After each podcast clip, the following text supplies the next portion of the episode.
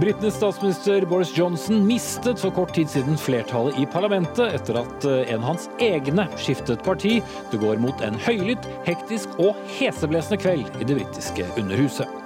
Nasjonal transportplan er et drømmeslott og som et tusenfryd for voksne, skriver tidligere statssekretær for SV, og ber noen om å trekke i håndbremsen for alle de hundrevis av milliarder som skal spres over by, bygd og tunnel. Alt er uvisst i Bergen noen dager før valget. Arbeiderpartiet og Høyre kjemper innbitt om makten, og krangler like innbitt om eiendomsskatt. Er den doblet under Arbeiderpartiet, slik Høyre først påsto? Eh, kanskje ikke doblet da, sier Høyre, men økt kraftig, iallfall. Og KrFU må kastes under bussen, mens Fremskrittspartiets ungdom er noen villbasser uten sosiale antenner. Det er kraftige karakteristikker av samarbeidspartnere fra Unge Høyre i valgkampen.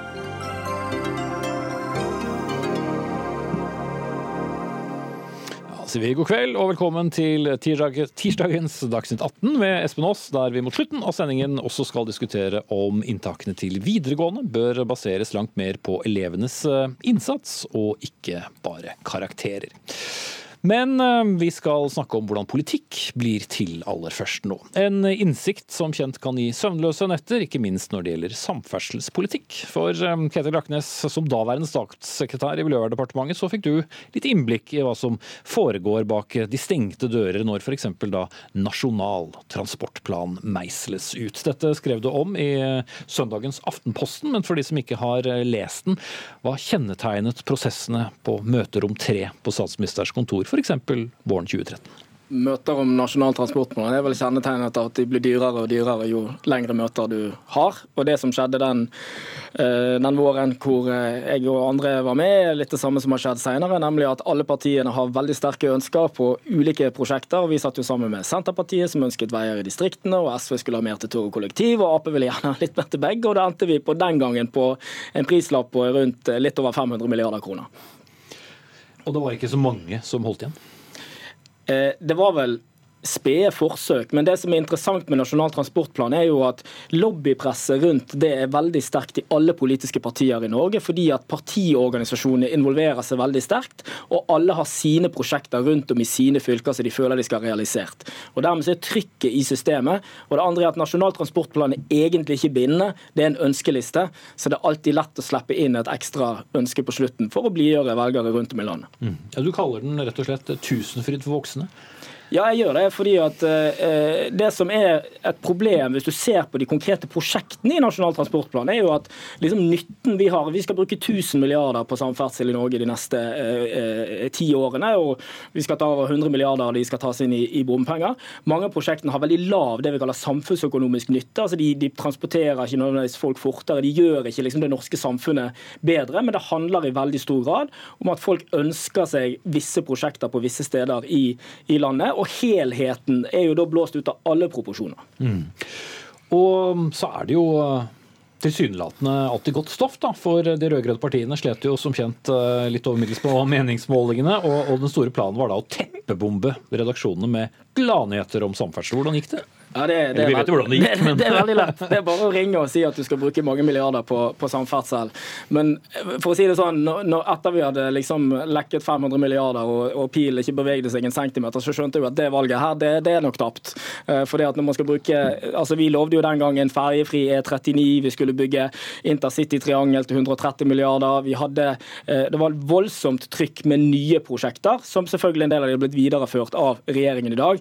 Men det som jeg og jeg vet vet andre internt hos oss tenkte den gangen at den samla prislappen her er for høy, fordi at vi har ett statsbudsjett i Norge hvor sykehus, skoler, andre ting skal konkurrere med bl.a. vei og togutbygging i Norge.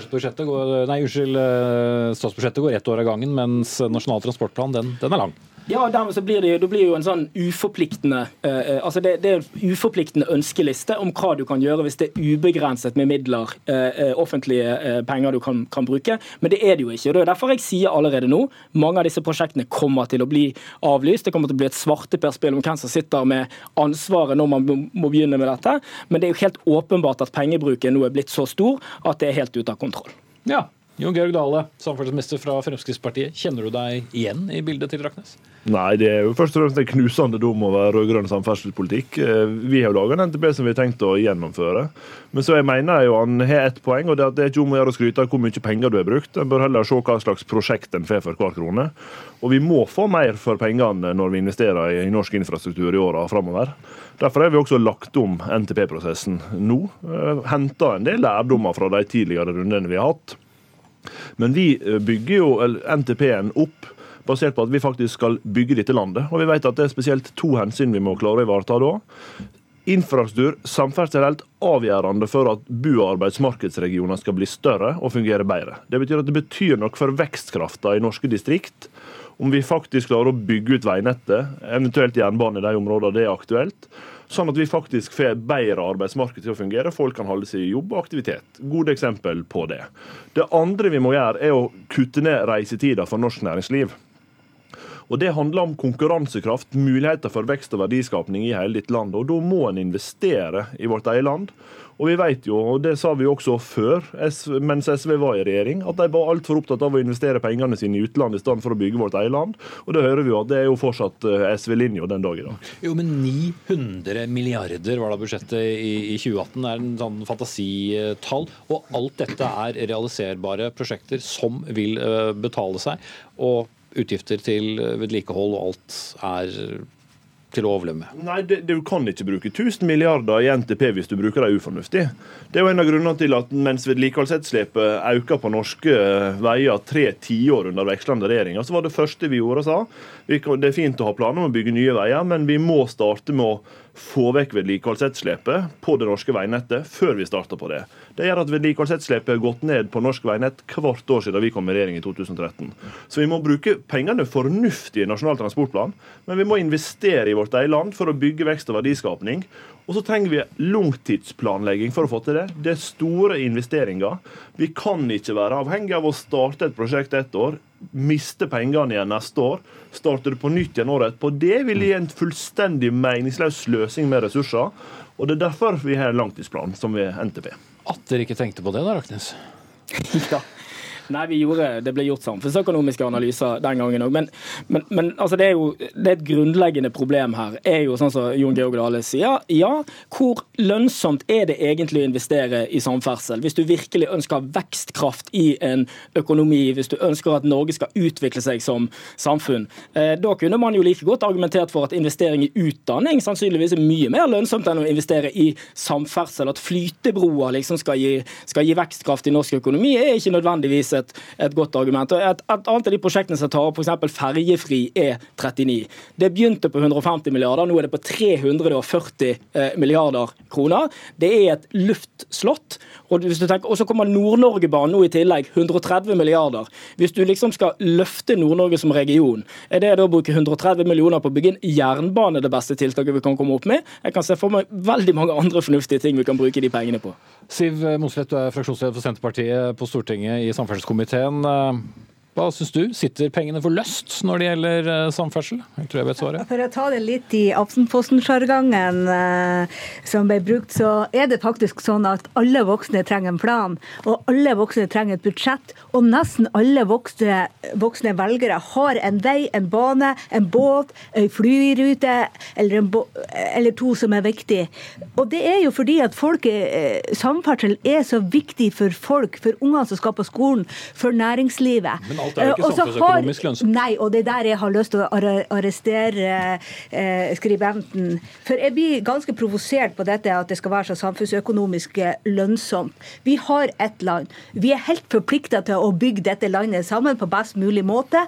Og for de, det. Ja, og vi må betale for det. Men de, mange av de modellene, eh, modell for samfunnsøkonomisk lønnsomhet tar ikke inn over seg eh, mye ut av den verdiskapinga, den produktiviteten, de ringvirkningene eh, som er i Nord-Norge. Så det Modellene er ikke de riktige for å ta den type samfunnsøkonomisk lønnsomhet som, som er så viktig. For næringslivet i Nord-Norge går så det griner, og de trenger veier, de trenger kortbanenett, vi trenger båtrutene. Men det er ikke modellene det er noe galt med. Det er måten vi har organisert oss på i samferdselssektoren. Vi har fått for lite igjen for pengene. Det er bare å være ærlig på. I tidligere tider har vi gjort det. Vi har bygget ting som vi ikke burde ha bygget. Nei, men vi har, vi har organisert oss dårlig. Vi har fått for lite igjen for hver investerte krone. Når vi etablerte Nye Veier i 2015 så varsla jo Senterpartiet at vi kom til å få, det kom til å gå seinere i veiutbygginga, vi kom til å sløse med pengene. Etter det har de på oppstart av veiprosjekt spart 20 milliarder, unnskyld, 20 i investeringene, av investeringene sine. Og de har økt samfunnsnytta, sånn at hvis du tar ned kostnadene og drar opp samfunnsnytta, så er det bedra samfunnsnytta med 60 milliarder kroner. Det var ikke modellene det var noe galt med. Det var måten vi faktisk brukte fornuftige insentivstrukturer til å få mer investeringer for hver krone. Nå gjør vi det samme på jernbane. Vi gjør det på område etter område i transportsektoren. Senterpartiet hyler og klager alltid fordi de tror at mer penger er eneste løsninga. Det er det ikke. Vi må jobbe smartere. Men vi må samtidig ha en langtidsplan som faktisk gir oss mulighet til å styre forutsigbare utbygginger på investering i eget land. Raknes så morsomt. Ja, nei, Det er jo mye å forvente at samferdselspolitikere skal mene vi skal bruke mindre penger på, på samferdsel. Men hvis jeg tar det første poenget først, så er det at Eh, det vi vet, da, eh, er jo at fra 2030 og allerede nå på 2020-tallet så vil vi jo merke at vi får mindre oljeinntekter, eh, skatteinntektene vil gå ned, vi vil få flere eldre i Norge. Alle vet at det vil bli høyere press i Norge på offentlige finanser. Jon Gaudale Dale sitter jo i en regjering som hele tiden må vurdere handlingsrommet i budsjettet. Og Det denne Nasjonal transportplan på mange måter forskyver, er jo den reelle diskusjonen om hva vi skal bruke penger på i Norge fremover, når budsjettene blir trangere og trangere. For når man presser inn disse store tidvis veldig ulønnsomme prosjektene, så legger, så, for, så legger du beslag på og, og, og, så er spørsmålet hvem skal komme inn og rydde opp til slutt, når dette går eh, over styr. Jeg garanterer dere, om ti år så kommer Senterpartiet og Frp til å sitte her og krangle om hvem som hadde ansvaret for at E39, ferjefri E39 ikke ble noen ting av. Mm. Og den går langt. Morslett? Ja, jeg kan være enig i at det ikke er alle plasser det kanskje er mest fornuftig å bygge firefelts motorvei pluss jernbane samtidig. Men et par, et, et par poeng som er kjempeviktig å få frem, det er at når det brukes så mye penger på samferdsel, så er det viktig å utforme anbudene på store veiprosjekt sånn at det ikke favoriserer utenlandske selskap. Eh, vi trenger å eh, legge til rette for at eh, norske bedrifter, norske arbeidsplasser, norske interesser kan ta del i anbudene, og at uh, de ikke blir så store at det er umulig for de norske bedriftene å, å delta. Men Også, du er mer opptatt av prislappen enn det, kanskje? Nei, men vi, det er jo de aller fleste tilfeller så er det jo norske entreprenører som vinner anbudene. Det er fornuftig når de er best. Og så ser vi i en del anbudsprosjekt også at vi, det at vi henter ekstern kompetanse, gir ny, ny teknologi. Det gir uh, andre måter å jobbe på, det er sunt. Men det som er Utfordringen med pengene og framtida. Men, men for det er det sentrale. I Norge snakker vi fortsatt mye om hvordan vi skal bruke oljeformuen til å investere trygt i vårt eget land. Veldig mange snakker om handlingsregelen bare med den ene halvdelen, men ikke den delen som Fremskrittspartiet alltid var opptatt av. Og Den sier jo at når, når det blir økt handlingsrom i økonomien, som det er blitt de siste åra, så skal vi bruke den på vekstfremmende skattelette. Det er dagens regjering gjort. Så skal vi bruke det på styrking i kunnskap, forskning og høyere utdanning. Det er dagens regjering gjort. Skal vi bruke det på lønnsomme investeringer i samferdselssektoren? Det er dagens regjering gjort. Og Det er jo det dette handler om. Vi investerer mer av pengene i vårt eget land fordi det bygger landet vårt sterkere. Jo, og, det, og det, det, er jo det som først og fremst gir vekstkraft, som gjør at vi har noe å leve av den dagen oljen hjelper oss mindre enn den gjør i dag. Men de beregner du år for år, og det Rakne sier er jo at du må jo sette av penger i mange år fremover, og da er det ikke gitt at du vil kunne ta ut like mye. Men, men, det, men det, er jo, det, er jo, hele poenget. Altså Den måten uh, tidligere regjeringer før vi tok over, har bygd uh, ut samferdselssektoren på, har jo vært å starte et lite prosjekt midt, uh, midt i midt på en trasé og ikke fullføre den. Det har vært å skru opp investeringstakta og så ta det ned igjen, uten å sluttføre. Og Det er jo det, er jo det vi er på vei vekk ifra. Jo, men Du må jo likevel bruke penger i ja, framtiden. Du, ja, du, kan jo ikke budsjettere alle pengene i dag for en fergefri 39 opp til Trondheim. Og det er helt rett, og det betyr at hvor, hvor raskt en starter opp det avhenger av hvor høye samferdselsbudsjett det blir. Det hjelper alltid å ha en Frp i regjering hvis en vil ha høye samferdselsbudsjett. Andre, den andre dimensjonen i det handler jo om at når du faktisk planlegger med forutsigbarhet, som vi f.eks. har sett med Nye Veier, så har de bundet femårige bevilgninger. Og det gjør at de kan jobbe smartere allokere prosjektene sine, dure på og bygge raskere, bedre og billigere enn tidligere. Og Det er jo det det handler om. Vi må tåle å tenke nytt i samferdselssektoren. Men da er jo den debatten som Ben prisverdig prøver å dra opp her, dessverre et blindspor, for den gir ingen nye forslag. Den bare det gir forslag om redusert pengebruk i samferdselssektoren. Ja. Det er et ganske interessant forslag. Ja, du, du vil med andre investere mindre i eierland for å skape vekst og verdiskaping i framtida. Men det kommer aldri et Senterparti i en eventuell fremtidig regjering eh, til å ha som eh, sitt første, uh, som første jobb? Nei, Vi syns det er viktig å uh, satse på uh, samferdsel. Men jeg har lyst til å arrestere statsråden Nei, det, det rekker vi ikke. Nå er det bare slutten her. Så får jeg arrestere ham på vei. Og så Ragnhild som, som skrev kronikken for siste ord. Ja, altså, jeg kan jo bare si som så at jeg syns at altså, det er en veldig dyr form uh, for utviklingspolitikk og distriktspolitikk hvis det eneste vi skal gjøre for å skape vekst og velstand i Norge, er å investere i flere veier, sånn som det høres ut som her. Og jeg tror disse pengene kan brukes mye mer fornuftig på andre måter. Mm. Og vi kan heller ikke leve av å skrive kronikker etter rollen din heller. Takk skal dere ha, alle tre. Ketil Raknes, doktorgradsstipendiat ved Høgskolen i Kristiania og tidligere statssekretær for uh, SV. Siv Mos Slett, fraksjonsleder for Senterpartiet i Stortingets samferdselskomité. Og Jon Georg Dale, samferdselsminister fra Frp. Dagsnytt 18 alle hverdager kl 18.00 på NRK P2 og NRK2.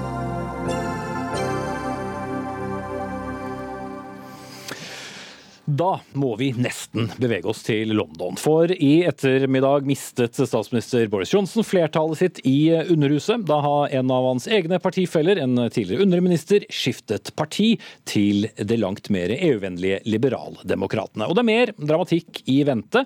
Motstandere av regjeringen ønsker å forhindre at landet forlater EU uten en avtale 31.10, og andre ønsker også å utsette selve utmeldelsen enda en gang. Og statsministeren har har sagt at eh, de får heller skrive ut nyvalg hvis ikke regjeringen får støtte til sin opprinnelige plan. Og Øyvind eh, Nyborg, vår London-korrespondent, du følger eh, dramaet der. Vi har jo snakket om veldig mange dramatiske kvelder i Underhuset gjennom de siste par årene. Hvordan skal vi forsøke å rangere denne kvelden? Ja, det er jo helt klart som du sier at Vi har jo kalt den ene uka etter den andre en skjebneuke. Men når vi vet det at Boris Johnson har sittet i statsministerstolen i bare fem og en halv uke, og at han kom, blir tvunget til å eh, legge ut et eh, nyvalg og kanskje også risikere å tape det, så kan han rett og slett bli Storbritannias eh, den statsministeren i Storbritannia som hadde aller kortest levetid. Så, så dramatisk er denne situasjonen. Og jøye meg for en høylytt mottagelse den samme Johnson har fått i Underhuset i dag, der han bare har sin andre opptreden etter at han tok over som eh, statsminister. Og eh, en tidligere underminister, altså Philip Lee, byttet parti til Liberaldemokratene. I et intervju med Sky nå rett før sending så sa han at eh, det kan komme flere utmeldelser fra partiet. Ser vi nå en Boris Johnson som ser alt klappe sammen under ham, eller har han en plan? Jeg tror han har en eh, plan og at han har forberedt eh, et nyvalg eh, i ganske lang tid. For det første så er det jo dette med å forsøke å få en større majoritet. Det andre er å rydde unna opprørere, motstandere i eget parti. Han har jo stilt egne partifeller som eventuelt stemmer med opposisjonen i kveld, et ultimatum. Stemmer dere med opposisjonen, så blir dere ekskludert fra partiet. Og så har han også for det tredje et ønske om å eh, være tøff overfor EU. Eh, e og på den måten også eh, forsøke å utradere trusselen fra det langt mer brexit-orienterte brexit-partiet. Så dette er en plan som Boris Johnson har hatt ganske lenge. Jeg tror nok ikke han gikk til posten som ny statsminister uten å forstå at det lå et nyvalg opp i ermet. Men spille høyt, det gjør han. Absolutt. Det er klart eh, han spiller høyt.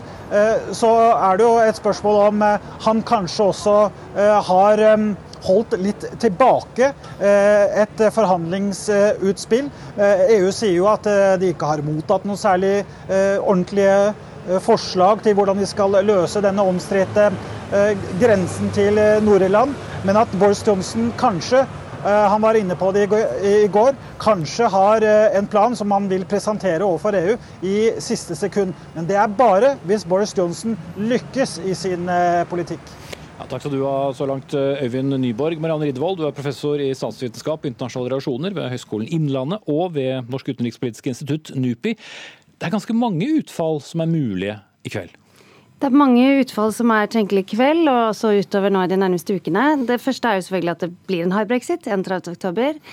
Eh, det andre er at Eh, selv om EU sier at, det ikke er noe, at den avtalen som ligger på bordet, er den som gjelder nå, at det ikke er aktuelt å starte opp forhandlingene eh, mellom de 27 landene, så kan det jo være at eh, Johnson får noen formuleringer som gjør at det blir lettere for flertallet i Underhuset å svelge avtalen. Mm, og at han også kan innkassere en slags, en slags seier sammenlignet med sin forgjenger Theresa May. Selv om det kanskje ikke betyr så mye i praksis. Og det tredje er jo nyvalg, som vi hørte. Og da kan Johnson har jo sagt at han skriver ut nyvalg 14.10 hvis denne dette lovforslaget om utsettelse av brexit går igjennom.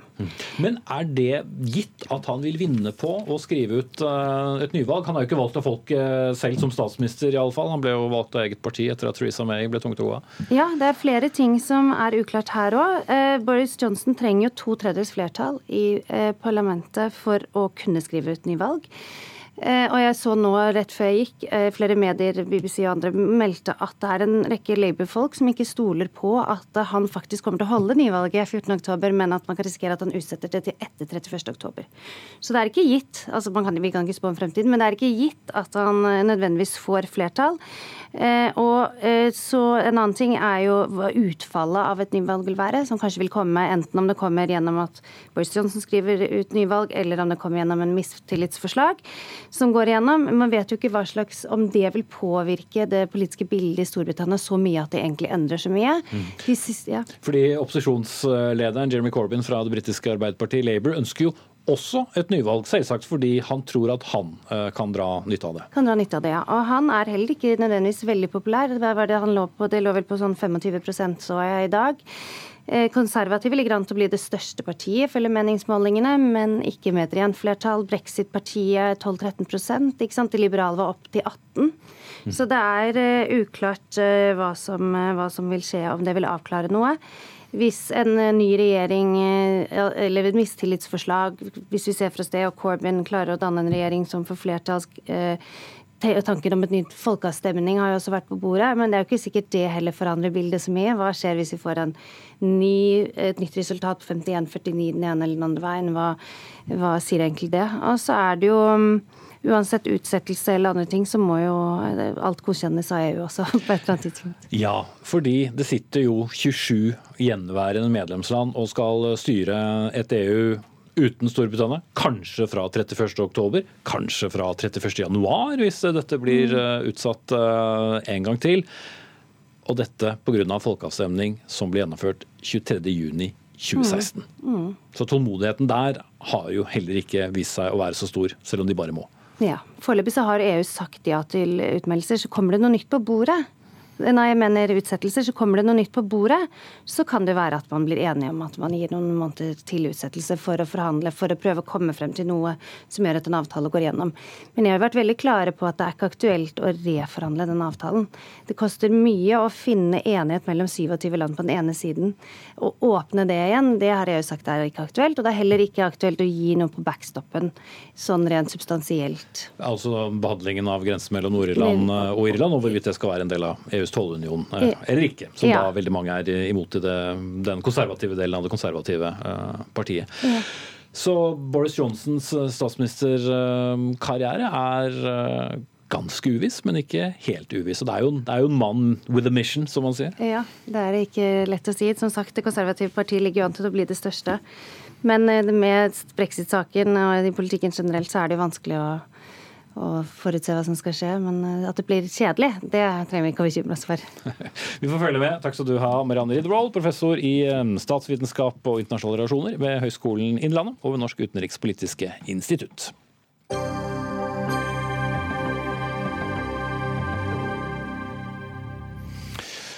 Det blir uh, mer om uh, karakterer og også skolevalg litt senere i Dagsnytt 18, men uh, nå skal vi snakke om valgkampen, som ennå har noen dager igjen. Og vi skal til Vestlandets hovedstad Bergen, der Høyre og Arbeiderpartiet utkjemper en knallhard kamp om hvem som skal overta den politiske styringen etter valget på mandag. Og de krangler også høyt om eiendomsskatt. For i valgkampen har Høyre hårdnakket hevdet at det Ap-styrte byrådet siden de overtok makten makten i 2015 har klart å doble eiendomsskatten, men har ikke fått helt støtte av verken sittende byrådsleder, kanskje ikke så overraskende, ei heller av nettstedet faktisk ennå. Marte Leirvåg, tredjekandidat til bystyret i Bergen fra, fra Høyre. Har de doblet, eller har de ikke? Nei, det stemmer ikke at eiendomsskatten i Bergen er dobla. Vi har beklaget at vi har vært upresise i de uttalelsene. Men det som er sant, er at regninga til bergenserne har blitt større mens Arbeiderpartiet har styrt i Bergen. Og vi har vært helt tydelige på eh, at vi går til valg på å redusere og halvere eiendomsskatten i neste periode. Så dere skulle kanskje ikke brukt akkurat den beregningen? Nei, nå har vi beklaga at de uttalelsene har vært upresise, og det skal selvfølgelig ikke skje. Eh, det som har vært vårt mål hele veien, det er å vise at regninga for bergenserne har økt, og at den vil bli mindre med et Høyre-ledet byråd etter 9.9. Mm. Men hvor mye har det da kostet eh, bergenserne å ha sittende byråd i eiendomsskatt? Altså Regninga har jo blitt eh, over 200 millioner kroner mer i den perioden eh, som eh, Roger har styrt, eh, sammen med de to andre partiene. jeg mener at man bør være ærlig på at at eh, eiendomsskatten har blitt høyere med Arbeiderpartiet i Bergen. Og ikke minst at den vil øke også i neste periode, fordi at den, de partiene som Roger skal eh, samarbeide med, SV, MDG og Rødt, har eh, sagt at de vil øke eiendomsskatten. Ja, Nå har det blitt tiltalt for fornavn to ganger, Roger Valhammer, byrådsleder i Bergen fra Arbeiderpartiet. De som følger sendingen på fjernsyn, har allerede sett deg. Men Eiendomsskatten har økt eh, under deres eh, periode, men eh, det er kanskje greit, eller? Det som vi og jeg reagerer på, er at vi, har alle våre egne meninger. og Som politiske partier så stiller vi til valg med våre egne løsninger, eh, med politikk, visjon fra Bergen. Eh, og Det er det vi bør diskutere og presentere ulike retninger for Bergen i valget som kommer nå, sånn at velgerne kan ta velinformerte valg og velge om de ønsker et Høyre-styrt Bergen eller et Arbeiderparti-styrt eh, Bergen. Utfordringen er når vi har vår egen fakta. Og det er ikke greit. Vi er nødt til å være enige om at fakta er fakta. Og Høyre har fått tydelig eh, melding fra faktisk.no i går. Eh, men utfordringen har vært at jeg har sagt dette i alle debattene jeg har hatt med HV eh, gjennom lengre tid, både på debatt og etterpå, uten at det har blitt korrigert. Og så er jo jeg er litt skuffa. Nå burde kanskje Håvard svart her sjøl. Det er litt urettferdig at du skal svare for det, Marte. Men realiteten er, som faktisk.no slår fast, jeg anbefaler alle å gå inn og lese artikkelen, er at vi har holdt eiendomsskatten i ro. Det eneste vi har endra, er bunnfradraget for å gjøre det mer sosialt. Og Da er jo mitt motspørsmål til deg, Marte Marcel Leivåg. Betyr det at du mener at regjeringen hvert år i seks år har økt momsen? At de hvert år har økt alle skattene fordi inntektene nominelt går opp når prisene går opp? La meg svare på det. Fordi i 2015 så skrev daværende byrådslederkandidat for Arbeiderpartiet under på at eiendomsskatten ikke skulle øke fra 2015-nivå. Og vi vet at man har politiske virkemidler her i Bergen for å sørge for at man kan holde det man tar inn i eiendomsskatt, flatt. Vi foreslo å trappe det ned. Eh, Arbeiderpartiet har valgt å ta inn mer. Så min utfordring tilbake igjen til deg, Roger, er kan, kunne du ha tatt inn mindre i eiendomsskatt? Altså, du kunne jo det, for du har virkemiddel til å gjøre det. Du kan ikke sammenligne det med den nasjonale politikken som du forsøker å gjøre her, for du vrir deg unna det faktumet at dere har brutt et valgløfte, og jeg mener at det er et tillitsbrudd til velgerne når man lovte å ikke øke eiendomsskatten. Eh, ja, men nå gjør jo Marte Leirvåg det er jo nettopp ba om unnskyldning for at de har gjort det nå i flere måneder i valgkampen, nemlig kommer med påstand som ikke er riktig. Fordi Enten så er det sånn at hvis momsen øker når prisen går opp, så har skatten økt. Ellers, og det samme skjer med eiendomsskatt. Hvis eh, boligprisen går opp, så øker inntektene eh, for kommunen. Vi kunne selvfølgelig satt ned eiendomsskatten, eh, men det har vi ikke gjort. Men vi har økt bunnfradraget, som gjør at de som har de minste boligene, slipper å betale. Eh, og realiteten er jo hvis vi skal snakke om fakta, er jo at det var ditt byråd før jeg overtok, eller før Harald Schjelderup overtok før meg, eh, som først fjerna eiendomsskatten, for så å gjeninnføre den på dobbelt nivå.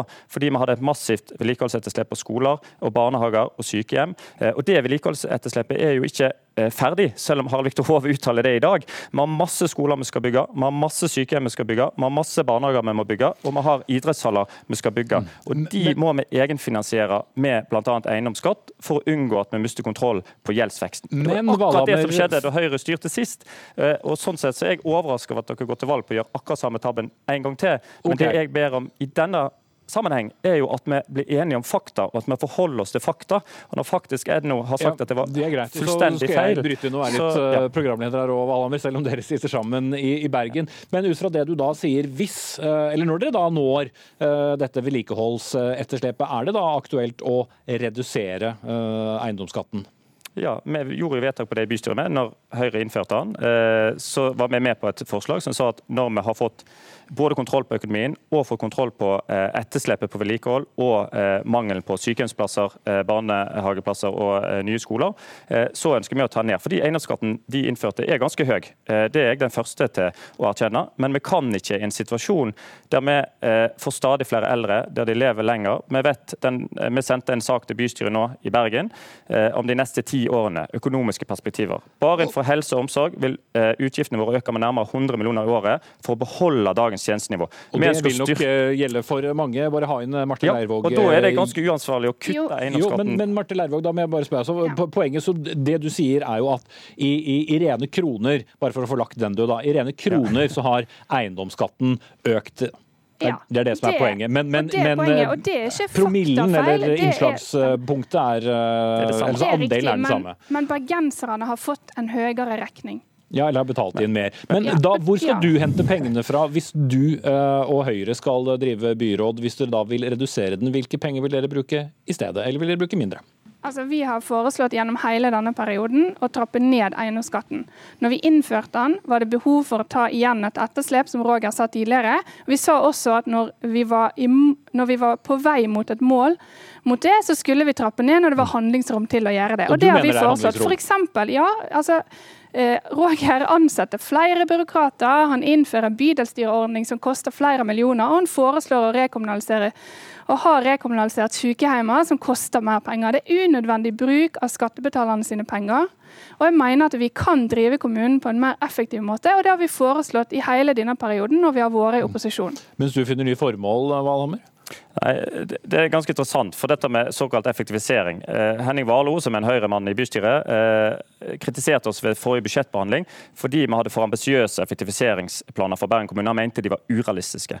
Eh, og de er ambisiøse, for vi skal ha en så effektiv administrasjon som overhodet mulig. Men det er faktisk ikke mulig å styrke eldreomsorgen, styrke skolene, styrke hjemmesykepleien, samtidig som du halverer eiendomsskatten på fire år. Og dine, hvis du skal snakke om samarbeidspartnere, så vil dine to samarbeidspartnere i bompengepartiet Frp de skal fjerne den på fire år. Da snakker du en milliard i tapte inntekter. Det er ganske mange tusen ansatte eh, i, i hjemmesykepleien og i skolene våre. I tillegg til at vi er jo ikke i nærheten av å være ferdig med å rette opp i vedlikeholdsetterslepet på skole. Vi har halvert sykehjemskøen, men vi trenger å fjerne den. Eh, vi har masse barnehager som trenger vedlikehold, og vi skal bygge Jo, idrettshaller. men det som er viktig her, er å huske på at denne regninga kommer oppå veldig Altså andre eh, høye regninger fra, eh, den, fra kommunen, sånn som kommunale avgifter og bompenger. Så Bergen er en av de dyreste storbyene og by i Norge i dag, og jeg mener at det hindrer at flere vil bosette seg i kommunen. Vi kan trappe ned eiendomsskatten. Vi har et enormt overskudd, og det er ikke nødvendig å ta inn mer og mer og mer for okay. hvert eneste år, som Roger har gjort i Det denne trodde jeg aldri si, men jeg tror jeg i neste eh, periode. jeg kan love dere, både Roger Valhammer og Marte Leirvåg fra henholdsvis eh, Ap og Høyre. Tiden vår er eh, ute, og det var ikke verst at jeg iallfall fikk komme til orde og sagt det med to bergensere i et annet studio. Takk skal dere ha.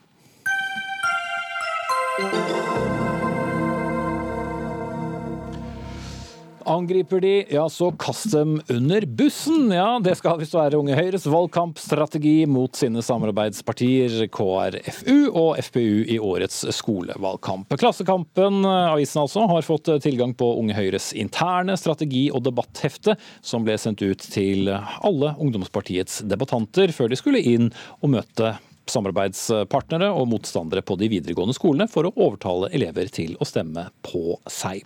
Vi kan jo starte med Fremskrittspartiets ungdom, eller Villbassene uten sosiale antenner, som det heter på Unge Høyre-språk. Eh, Bjørn Kristian Svensrud, formann i, FPU. Var det en eh, god karakteristikk av uh, dine folk? Nei, det er vel heller Unge Høyre som kanskje ikke har hatt på seg sine sosiale antenner når de skrev det, for å si det sånn. Men, men det er litt sånn, ja. En veldig klønete måte å gjøre det på. Og jeg tror nok at det er veldig mange i Unge Høyre som ikke nødvendigvis liksom kjenner seg igjen i de betegnelsene. Så det er klønete, men jeg er også veldig glad for at Daniel har unnskyldt seg i, i Klassekampen. Og da kan man jo gå videre. Og Daniel, det er deg, det. er Daniel Skjevik Aaberg, som er første, Aasberg, neste, første, første, nestleder i Unge Høyre, og nå vikarierer for Sandra eh, Bruflot, som er eh, leder. Men altså, alt dette stammer da fra en perm med forskjellige strategier og statistikker, og for all del, alle partier eh, har jo sine opplegg hvordan de skal vinne debatter. Men kaste KrFU under bussen og omtale FPU som villbasser, hva, hva var tanken? Ja. Altså jeg, først og fremst vil jeg bare si at jeg er veldig opptatt av hvordan man snakker om andre mennesker og andre partier. og jeg må bare si at Her har ikke vi vært gode nok. Vi har ikke kvalitetssikra det godt nok. Vi har, ikke, eh, vi har, skrevet ting som vi ikke burde, og som eh, vi har sendt ut til våre debattanter. og Det er noe som jeg er veldig lei meg for. Jeg, Eller som ingen skulle se? Som, ja, nei, Det skulle, vært, skulle, ikke vært skrevet på den måten, og det burde ikke vært sendt ut til debattantene våre. En ting er hva du tenker, en annen ting er hva du skriver. Dette burde ikke vært skrevet, det burde ikke vært sendt ut, og vi har ikke vært gode nok på å kontrollsjekke det. og Det har jeg beklaget til KrFU, og det har jeg beklaget til FPU. Eh, og så håper jeg at vi kan gå videre fra det. Men er det så farlig? Altså hva man skriver interne? Altså, det har jo lekket flere interne valgkampstrateginotater fra morpartier og, og, andre. og Det handler jo egentlig bare om at uh, du og dine skal være best mulig i en, uh, i en debatt. Ja, Det kan du si, men jeg mener at uansett uh, hvem man sender til og, hvem man omtaler, så bør man omtale andre motdebattanter og andre partier og mennesker med respekt. Uh, det burde vi også gjort i dette notatet. Det har vi ikke vært gode nok på, og det er noe som vi har beklaga. Uh, og så må vi gå en runde på hvordan rutinene våre kan bli bedre til neste gang, sånn at vi ikke omtaler andre mennesker og partier på denne måten, for det er ikke noe som vi ønsker. Mm. Men dere oppdaget at dere ikke burde ha sagt det etter at det ble en sak i Klassekampen? Altså, jeg personlig var ikke klar over at dette var en ting som vi hadde med i vår debattmappe før Klassekampen gjorde meg oppmerksom på det. Eh, så dette er et veldig stort dokument. Det er over 90 sider, som omhandler alt fra pelsdyr og rovdyr til eh, innvandring og skole og klima. Så det er åpenbart veldig mye, og jeg blar først og fremst opp på de debattsidene jeg skal bruke selv, ikke på eh, alt annet. Martin Tønnesen, leder av Kristelig Folkeparti Ungdom. Ja, som sagt, i hvert fall de av dine medlemmer som ikke er så tro da, mot dette regjeringsprosjektet, burde da kastes under bussen ifølge Unge Høyre, og gjerne hardt også. Det gjelder kanskje ikke deg, men er det så farlig uh, hvordan man skal gire seg opp uh, før en uh, skoledebatt? Jeg tror kanskje jeg hadde tatt dette litt verre opp hvis det ikke hadde vært sånn at Unge Høyre har vært helt eksemplariske i skoledebattene og stilte opp både for regjeringspolitikk og, for KrFU. og vi har jo hatt veldig mange tilfeller hvor venstresiden har vært ganske harde på, på angrep spesielt. Og, og jeg på å si grenser til løgner. Nå er ikke de her, så skal ikke, skal ikke bruke så mye tid på dem. Vi, vi ja. Men nettopp det at Unge Høyre har vært flinke til å støtte og backe eh, KrFU-erne, så, så, tar jeg ikke meg så veldig nær av akkurat det som står i den poengmappa. Eh, men det er klart at eh, Eh, de tingene som man skriver om et annet parti, det er ting som, som kommer ut. Eh, og det eh, må man også huske på hvordan måten man omtaler hverandre på. Der har vi jo alle et ansvar, ikke bare vi tre som sitter her, men også alle de andre ungdomspartiene. At det i skoledebattene er røffe debatter, det er tøffe debatter, og, og, også debatter hvor man kanskje går litt over grensen av og til. Og da har man et stort ansvar for at, at det som blir sagt om de ulike partiene, det er riktig og god informasjon. Så, så jeg er glad for at Unge Høyre har vært så ærlige på at det, det, dette var feil. Mm. Men uh, synes du dere i FPU har vel også deres strategier? For det er, jo ikke, det er ikke sånn at eh, selv om uh, morpartiene sitter i regjering sammen, så er ikke du enig i alt som KrFU sier eller Unge Høyre. Du har vel også en strategi mot disse spradebassene fra Unge Høyre, f.eks.?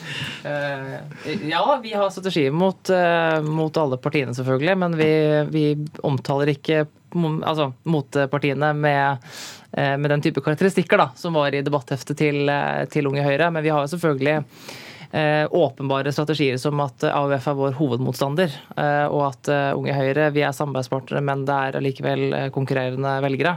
Mm. Fordi så Ungdom som ikke har så politisk erfaring, de må jo forstå hva som er forskjellen på dere, og ikke bare tenke det. på at det er en sånn grøt som det, sitter i regjering. Og, og der syns jeg for så vidt at vi har vært altså Jeg opplever i de debattene jeg har vært, og de tilbakemeldingene jeg får, så er de fire borgerlige partier, ikke-sosialistiske partiene enige om å forsvare regjeringsprosjektet. Vi er enige om hvilken retning vi vil ha for landet. Det er det dette egentlig handler om. ikke sant? Altså mer mer frihet for den enkelte. Eh, for vår del så har det vært viktig å være tydelig på f.eks. olje- og gasspolitikken, eh, ettersom at klima og miljø har vært en, en, stor del av debattene. Så har vi vært opptatt av å tydeliggjøre at vi mener at olje og gass, særlig naturgass, er en del av løsningen og ikke en del av problemet. Der skiller kanskje vi oss litt ut fra, fra de andre partiene. Så Eh, jeg, jeg, jeg, tenker jeg vet, ikke hva Unge Høyre for så vidt har tenkt for noe, men, men også om den type karakteristikker er fordi vi skiller oss litt ut, så tenker jeg at det kanskje også Eh, skal være helt riktig. Vi skal skille oss ut. Eh, vi skal være et ungdomsparti som eh, snakker rett fra levra og som er oss sjæl. Vi er opptatt av å være oss selv i skoledebattene. Men jeg vil allikevel ikke si at det er riktig å si at det er uten sosiale antenner. Da. Det, det er det ikke. Det, det er jeg enig i. og Hvis man leser debattmappen, og som, en ting som ikke kommer så veldig godt fram i Klassekampen, er jo nettopp det at det vi Unge Høyre skal først gjøre i skoledebatt, først og fremst, er å snakke om egen politikk og våre egne løsninger. Og det, jeg tror nok det er litt av grunnen til at vi alle sitter her og opplever at alle de fire partiene partiene som sitter i regjering, og alle ungdomspartiene har forsvart regjeringsprosjektet, er jo nettopp fordi alle vi ønsker selvfølgelig å snakke om egen politikk, og så må vi selvfølgelig snakke litt om hva regjeringen har gjort også.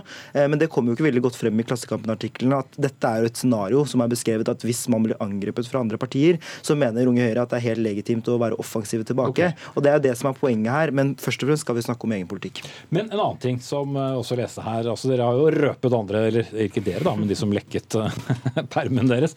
Blant annet så skal ikke Unge Høyre-representanter stå på stand med poloskjorte og snakke om at dere bryr dere om fattige. Hva, hva, skal man ha på seg når man snakker om at man bryr seg om fattige?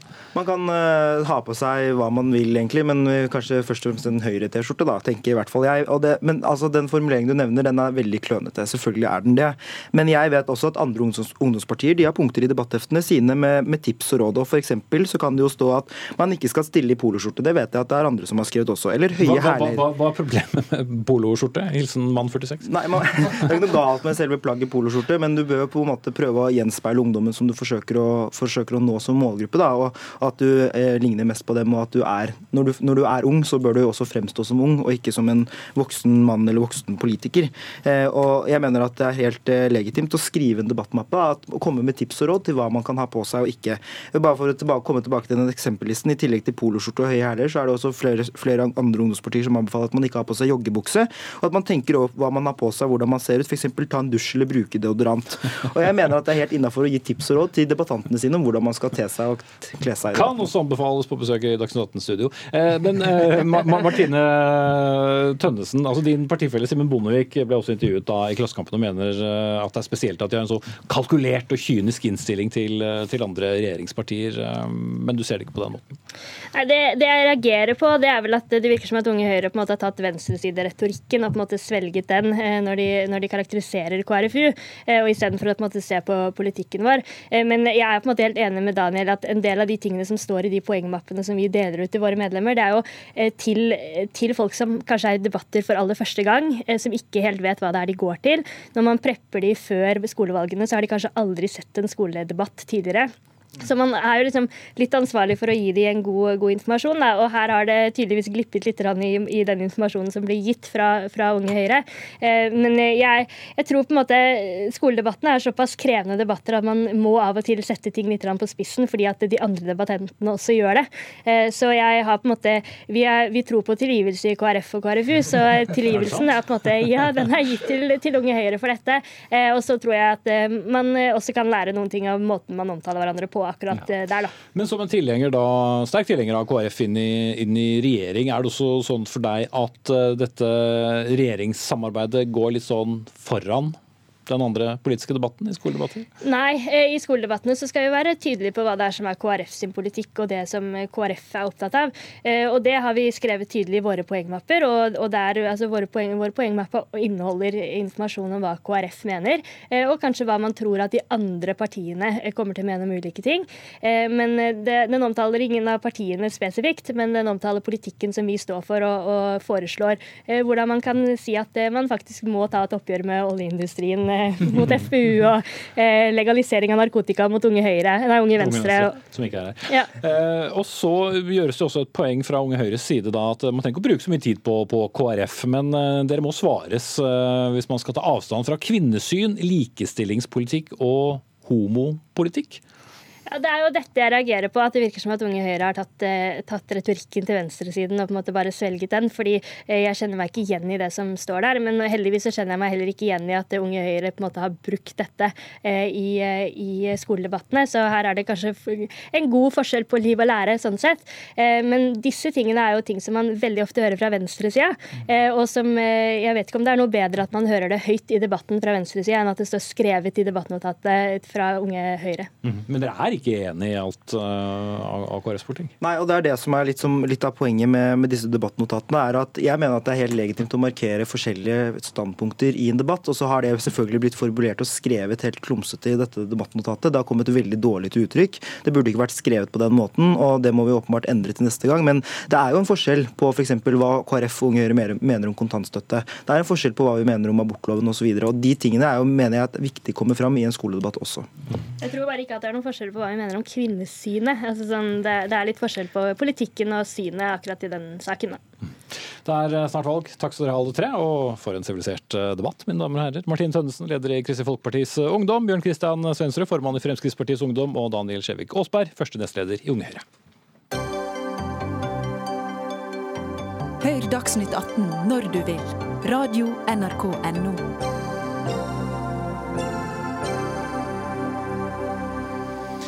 Og fra si, skoledebattanter så til en skoledebatt. For hva kan vi, eh, eller hva er det som skal avgjøre snarere våre håpefulles muligheter til å velge videregående skole? Regjeringen mener karakterer skal eh, avgjøre, men en annen vei ble beskrevet i et debattinnlegg i Aftenposten i dag, eh, og for så vidt også tidligere. For Stoltenberg-utvalget går inn for en progresjonsbelønning, tenkte jeg. Altså at elevens innsats på ungdomsskolen skal avgjøre hvilken videregående skole eleven kommer inn på, ikke bare avgangskarakteren. Og Martin Flø, du er forsker ved Folkehelseinstituttet og har forfattet dette innlegget sammen med direktør Camilla Stoltenberg.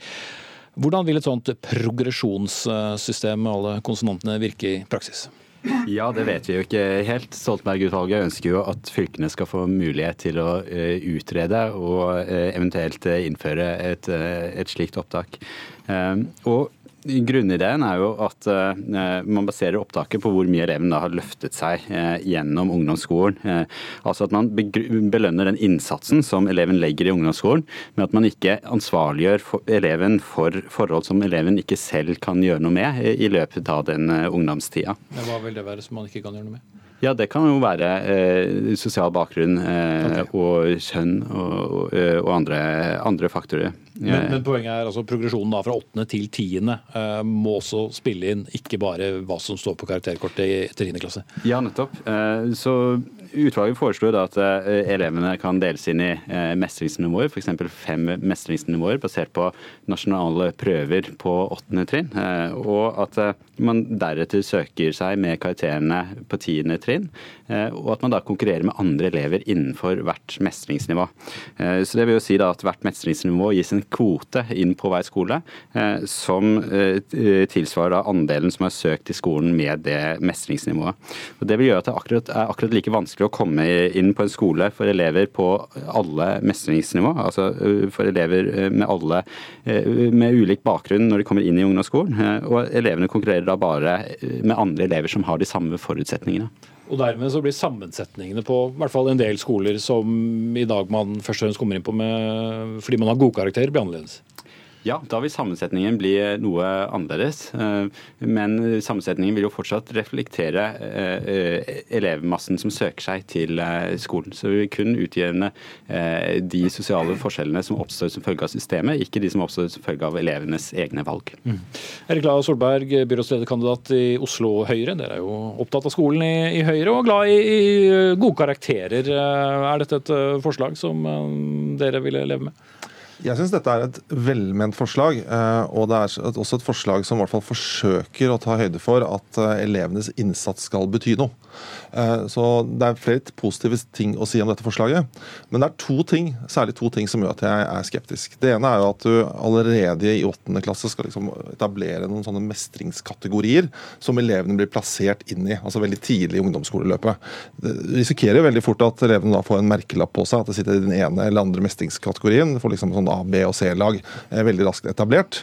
Men det er jo Eh, litt tror hvis det jeg- går på karakterer, sånn som eh, ja, dere liker. men jeg tror det er da fort en kategori du har litt begrensede muligheter for å selv å påvirke hvor du havner hen. Så det, det må jeg si jeg er litt sånn skeptisk til. Jeg er selv far til en jente i ungdomsskolen, og klart det at hun på en måte plutselig plasserer sin mestringskategori som hun ikke selv kan påvirke, det syns jeg faktisk er uheldig. Det burde vært en mulighet for å kunne påvirke det selv. Og så er det det andre, og den store, egentlig den kanskje største innvendingen, er at dette vil jo åpne for veldig mye taktikkeri. Mange elever vil jo kunne lene seg tilbake og si ja, men nå gjelder det å ikke gjøre det så veldig bra da, på denne prøven i 8. klasse, og så heller virkelig jobbe i 9. og 10. klasse for å få en voldsom forbedring. Eh, og de elevene som jobber jevnt og trutt og får til eh, jevne og gode forbedringer, vil jo fort falle gjennom i et sånt system. Så det åpner for veldig mye taktikkeri, og det syns jeg ikke er bra. Jeg vet hvor utspekulert åttendeklassinger er, men eh, Eller det vet jeg vel for så vidt, siden jeg har en selv, men Flate. Ja. Eh, ja, altså Dette er en bekymring som deles av mange i utvalget, og det er derfor de vil at det skal utredes eh, nærmere. Eh, Men når et enstemmig utvalg likevel går inn for dette, så er det fordi at vi har funnet noen eh, mulige løsninger på problemet. Altså, for det første så vil det jo være sånn at lærere kan avdekke rimelig greit dersom en elev bevisst prøver å underprestere på en nasjonal prøve ved å se etter systematikk i svarene. Og vi vil jo også at lærerne skal se til terminkarakterene, og at dersom det er forskjell mellom prestasjonen på, på de nasjonale prøvene og på terminkarakterene, så kan læreren ta en skjønnsmessig vurdering og, og plassere inn eleven. Ok, eh, skal straks eh, til SV nå, men skal bare stille et spørsmål til eh, Lars Solberg. fordi Din kunnskapsminister Jan Tore Sanner foreslår jo nylig fritt skolevalg i, i hele Norge. Hvor er da, hva, hva er vinningen med det? Fordelen med det er jo at elevene i mye større grad får mulighet til å påvirke selv hvilken skole de skal gå på. og Hvis det er gode karakterer. Ja, og de har mulighet også til å påvirke karakterene sine selv. Det er jo En av fordelene med det frie skolevalget er at du selv har en mulighet til å påvirke hvor du havner hen, ut fra egen innsats og de karakterene du oppnår. Det vil du til en viss grad kunne gjøre med et sånt system, men det åpner også for et voldsomt taktikkeri. Jeg er helt sikker på at ganske mange åttendeklassinger kommer til å benytte seg av det. Hvis du kjenner en åttendeklassing, så tror jeg du kan være ganske trygg på at de gjennomskuer systemet ganske fort. Og det, det som bekymrer meg med dette, er jo at det vil fort fremstå som veldig byråkratisk og veldig knotete, eh, og vanskelig å vite egentlig helt hvordan det skal praktiseres. Fordelen med fritt skolevalg er at det er relativt oversiktlig, eh, og de, hvis du står på, så får du resultater av det. Audun Lysbakken, leder i SV. Progresjonsbasert inntak i videregående. God løsning? Ja, så Jeg syns det var spennende å lese den eh, kronikken. Så skal jeg si at Jeg hadde et par av de liksom, samme motforestillingene som, som Solberg tok opp. Eh, Men, men det jeg syns er befriende med dette, og som er, er bra, det er jo at en vil tenke nytt om opptakssystemet. Eh, Og eh, jeg skal huske på at Stoltenberg-utvalget sin oppgave det var ikke minst å finne ut hvordan vi skal bekjempe det store frafallet vi har i skolen. Og Da må vi se på den urettferdige opptaksmodellen som Høyre innførte i Oslo, og som Høyre nå vil innføre i eh, hele landet, og finne alternativer. Eh, Og Derfor så syns jeg det er veldig prisverdig med alle som nå leter etter bedre eh, alternativer. Det som kjennetegner Høyre i denne debatten, er jo at de ikke er interessert i å tenke nytt i det hele tatt. Altså, de, vil ikke engang, de, de vil ikke engang åpne opp for diskusjonen om det finnes noe bedre enn det systemet som de har innført, og som vi jo og det er det systemet vi vet veldig mye om. Nemlig et system som har ført til en eh, segregering av Oslo-skolen, som er med på å faststrømme klasseskillene i denne byen, eh, og som de nå også vil tvinge på hele resten av landet, med de konsekvensene vi vet at det også vil kunne få i distriktsfylker knyttet til reisevei og sentralisering. Så her er altså, for meg går konflikten mellom oss som er villige til å tenke nytt for å finne et mer rettferdig system, og de som insisterer på å fortsette med, og til og med tvinge på resten av landet, et system som har vist seg å være urettferdig. Solberg. Det er jo, jeg mener at det er flere svakheter ved dagens frie skolevalg. For så bør det, man sørge for at de elevene som kanskje har de største utfordringene, får flere ressurser til å følge opp, til, som følger opp dem i undervisningen. Det kan vi gjøre sånn som Høyre har foreslått i Oslo, ved å styrke de skolene som har mange elever som har et vanskelig faglig utgangspunkt, og gi flere ressurser til de skolene. Men det som er problemet med SV, er at de har på en måte allerede konkludert i med at de skal kaste ut det frie skolevalget. Det står i Oslo SVs program. Og nå har også byrådsleder Raymond Johansen fra Arbeiderpartiet bekreftet at det gjelder også Arbeiderpartiet. Han sier at dagens ordning ikke er god nok, vi må gjøre noe. Og jeg mener at de kan gjøre noe med dagens ordning. Den har noen svakheter, men den er bedre enn alternativene. De alternativene vi har fått på bordet nå, det er jo ulike varianter av loddtrekning og kvotering. Det ene er hel loddtrekning, det andre var delvis loddtrekning, og et kvoteringssystem med de 10, hvor de 10% av elevene med de dårligste karakterene skulle få velge først. Du kan bare tenke deg hva det gjør med motivasjonen til skoleelever som jobber hardt og prøver å komme inn på drømmeskolen sin. Jo, det vil være helt ødeleggende for innsatsen til Men, mange elever. brems litt. Spesielt ved deres eget forslag da om, om karakter og fritt uh, skolevalg, ja. som vel kanskje først og fremst uh, vil være til nytte i byer hvor du har mange skoler å velge mellom når du skal på videregående, med mindre du da, som Lysbakken sier, vil, vil, reise.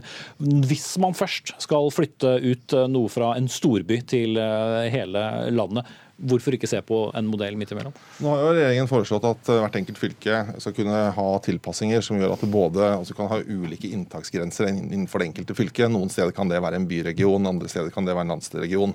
Eh, men fordelen med det frie skolevalget er at altså elevene har mulighet til å påvirke ting selv. Og hvis man mener, og det mener jeg virkelig, at det er et problem at noen elever gjør det dårlig, så må man heller rette inn innsatsen for å gi dem bedre muligheter til å komme seg. Se på Stovner videregående skole i Oslo. er en skole som ikke er spesielt populær, men som er veldig god på å løfte de elevene som har de dårligste utgangspunktet. Bilmekanikerlinjen der er den beste, vil jeg påstå er den beste i landet. Okay, vi skal ikke plage resten av landet med alle bydelsskolene i Oslo, men, men, men, men, men sånn, fritt skolevalg. Sant? Det er jo ikke et nøytralt ord, det er markedsføringsbløff som Høyre har funnet på. For det er jo fritt for veldig få. Sant? Det er karakterbasert opptak vi snakker om. I Oslo i fjor så betyr det at det er 22% av elevene som kan velge fritt. Alle andre kan ikke velge fritt. Sant? Så dette er så typisk Høyre. De ser samfunnet fra toppen, og så sier de noe fritt fordi de som gjør det best, kan velge. Men vi må ha en skolepolitikk for hele samfunnet og for hele byen. Og så, og la oss bare se tilbake på hva Høyre gjorde når de styrte byen.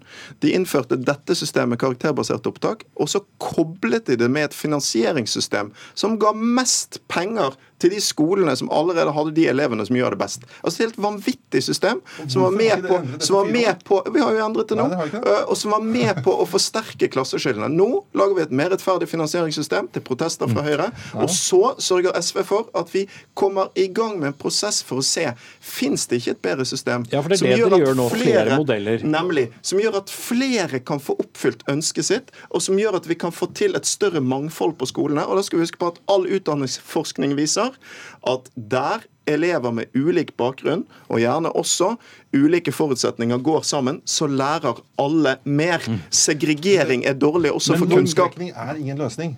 Det, Ingen som, er en, som er én modell som skal ja, vurderes. Modell, det er To av de fire modellene er låntrekning. Den tredje modellen er at altså de 10% av elevene med de dårligste karakterene skal få velge først. Du har tenkt deg hva det gjør med motivasjonen. Og Det fjerde forslaget er at det er et sånt, litt sånn bingosystem hvor, er, du, hvor førstevalget ditt trumfer alt. Og Det vi ennå ikke har fått et svar på for SV eller Arbeiderpartiet i denne valgkampen, er om det disse forslagene faktisk kommer til å bli gjennomført, eller om de er utelukket alle sammen. Det har vi ikke fått noe svar på, men det vi vet, er at skolesystemet kommer til å bli endret. Og vi vet at de aller fleste har mulighet til å velge skole i Oslo. Dette framstiller du igjen og igjen på en uærlig måte. Det er satt ned et utvalg i Oslo kommune som skal vurdere hvordan man kan lage et mer rettferdig system som gjør at flere får oppfylt ønsket sitt. De utreder ulike modeller. Byrådet har ikke foreslått noe av det du har sagt, men de har sagt at vi ønsker en sånn prosess for å komme fram til en mer, bedre modell. Mens, mens, det, mens, det, mens det, fordi det er ikke byrådet som har kommet med det forslaget. Men, Erik Lahl Solberg fra Høyre og Martin Flatø, forsker ved Folkehelseinstituttet. Jeg må bare innføre talestopp her hvis vi skal rekke denne dingerten som kommer rett til slutt. Tarjei Kramviken var eh, ansvarlig for sendingen. Hilde Tosterud tok seg av det tekniske.